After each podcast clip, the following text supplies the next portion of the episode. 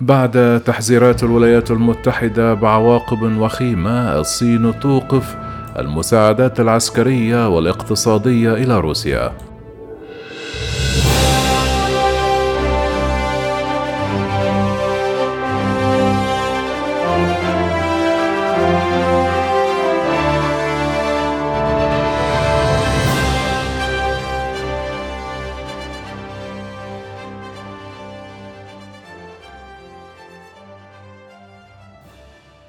بعد شهرين من التحذير من أن بكين تبدو مستعدة لمساعدة روسيا في حربها ضد أوكرانيا. قال كبار المسؤولين الأمريكيين أنهم لم يكتشفوا دعما عسكريا أو اقتصاديا صريحا للصين وهو تطور مرحب به في العلاقات المتوترة بين الولايات المتحدة والصين. قال مسؤولون أمريكيون لرويترز في الأيام الأخيرة أنهم ما زالوا قلقين بشأن دعم الصين الطويل الأمد لروسيا بشكل عام لكن الدعم العسكري والاقتصادي الذين كانوا قلقين بشأنه لم يتحقق على الأقل في الوقت الحالي. من جانبه يستعد الرئيس جو بايدن لرحلة إلى آسيا في وقت لاحق من هذا الشهر تهيمن عليها كيفية التعامل مع صعود الصين. وستصدر إدارته قريبا أول استراتيجية للأمن القومي حول ظهور الصين كقوة عظمى.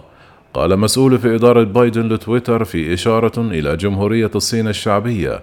لم نشهد جمهورية الصين الشعبية تقدم دعما عسكريا مباشرا لحرب روسيا على أوكرانيا أو تشارك في جهود منهجية لمساعدة روسيا على التهرب من عقوباتنا.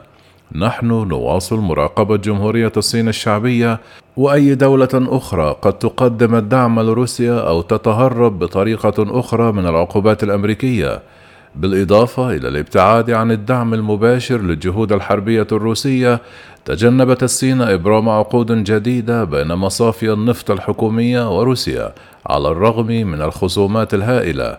في مارس من آذار الماضي علقت مجموعة سينوبيك التي تديرها الدولة محادثاتها بشأن استثمار كبير في البتروكيماويات ومشروع لتسويق الغاز في روسيا.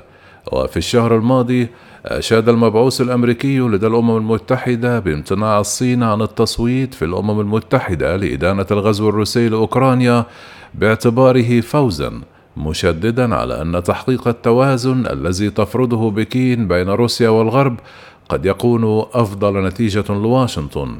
ومع ذلك رفضت الصين إدانة تصرفات روسيا في أوكرانيا وانتقدت العقوبات الغربية الشاملة على موسكو.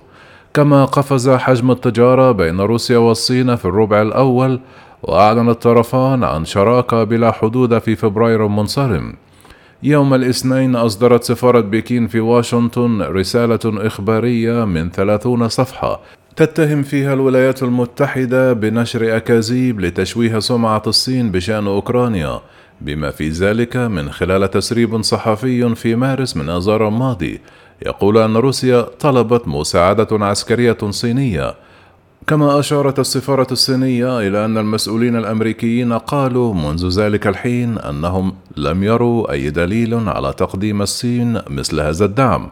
ولم يتحدث جو بايدن نفسه عن مساعدة الصين لروسيا منذ أن أخبر المراسلين في بروكسل في الرابع والعشرون من أذار مارس الماضي أنه في مكالمة هاتفية مع الرئيس الصيني جين بينغ تأكد من فهمه للعواقب كما أخبر وزير الخارجية أنتوني بلينكين لجنة العلاقات الخارجية بمجلس الشيوخ الأسبوع الماضي أن الصين تتعامل مع خطر كبير على السمعة لكونها حليفا لروسيا وأنه في الوقت الحالي لا نرى دعما كبيرا من الصين للأعمال العسكرية الروسية.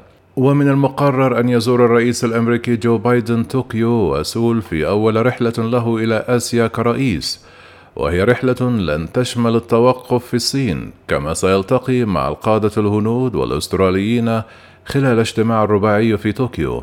جعلت الصين من روسيا جزءا رئيسيا من استراتيجيتها في السياسة الخارجية لمواجهة الغرب. قال مسؤول أمريكي أن مساعدي بايدن كانوا قلقين من أن شي كان يخطط لتقديم دعم مباشر للرئيس الروسي فلاديمير بوتين حيث واجهت حملته في أوكرانيا نكسات شرسة. قال المسؤولون أنهم شعروا بالارتياح لأن هذا لم يحدث حتى الآن. لكن واشنطن وحلفائها يواصلون مراقبة مستوى المساعده عن كثب.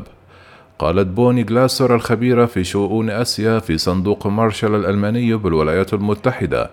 إن التحذيرات الصارمة الصادرة عن الولايات المتحدة والاتحاد الأوروبي قد أتت أكلها حتى الآن.